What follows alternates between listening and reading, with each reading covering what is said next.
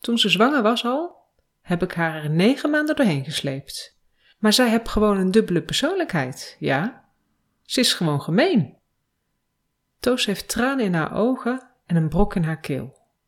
Ze heeft het over haar schoondochter Denise. Hoewel er vele grapjes zijn over lastige schoonmoeders, lijkt hier iets anders aan de hand. Deze schoonmoeder lijkt niet lastig, eerder gekwetst. Maar als niet de schoonmoeder naar is, dan zit het probleem misschien in de relatie die schoonmoeders met hun schoondochters hebben. Hoe kijk jij met een positieve blik naar de moeder van je partner? Deze oefening leert je vanuit een nieuw oogpunt te kijken naar je schoonmoeder.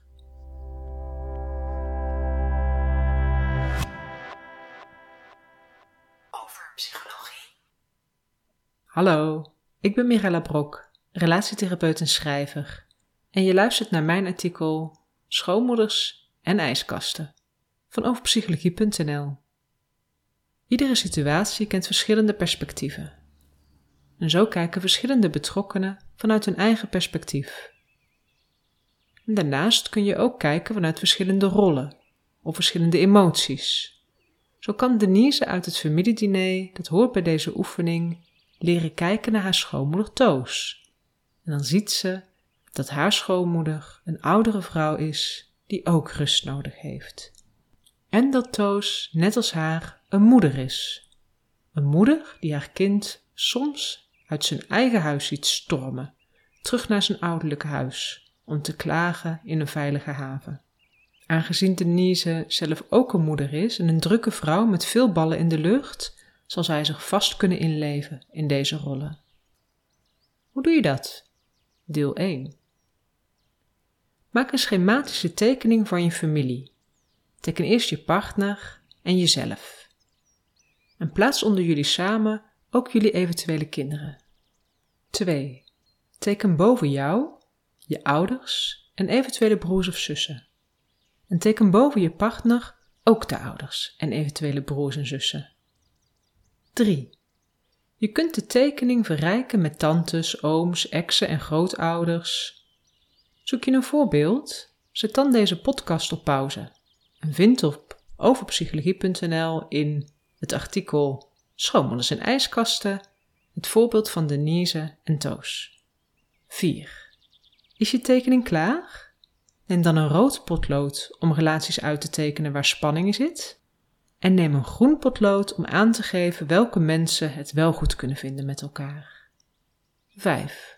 Laat deze tekening een paar dagen liggen en teken er soms nog wat vergeten relaties bij. Een theoretisch uitstapje.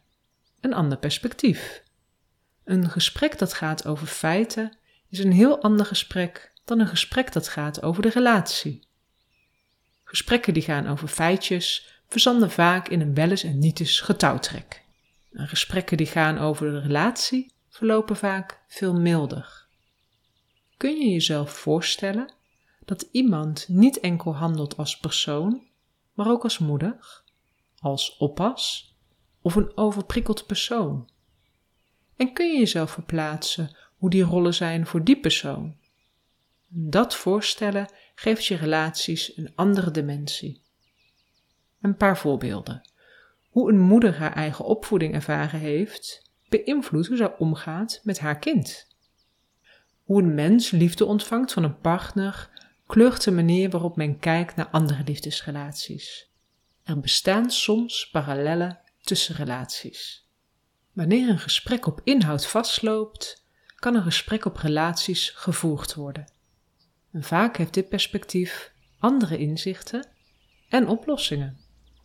Hoe doe je dat? Deel 2. Pak je tekening weer op en kijk naar de positie van je schoonmoeder. Maak een lijstje van alle rollen die je schoonmoeder heeft. 2. Noteer achter elke rol hoe jij denkt dat jouw schoonmoeder die rol wil invullen. 3. Welk gedrag laat je schoonmoeder zien waardoor dat je dat denkt? Noteer dat. 4. Spreek met je partner af dat je lief stap 2 en 3 ook uitschrijft en inspireer elkaars perspectief in een gesprek hierover. 5.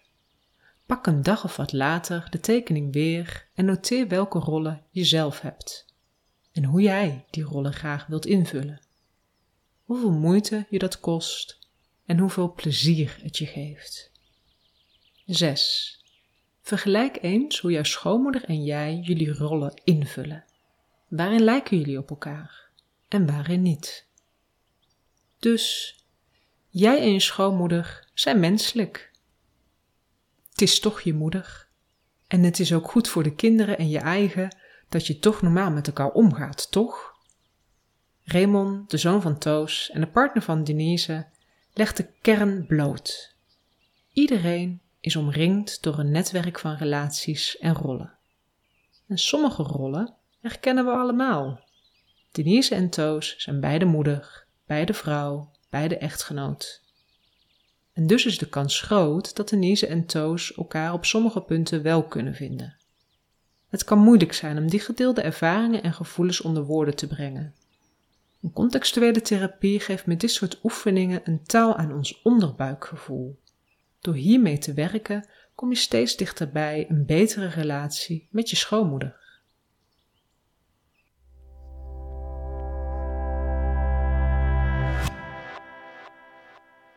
Over psychologie. PS, ben je nieuwsgierig naar het bijbehorende familiediner? Kijk dan op overpsychologie.nl naar het geschreven artikel en klik op de link.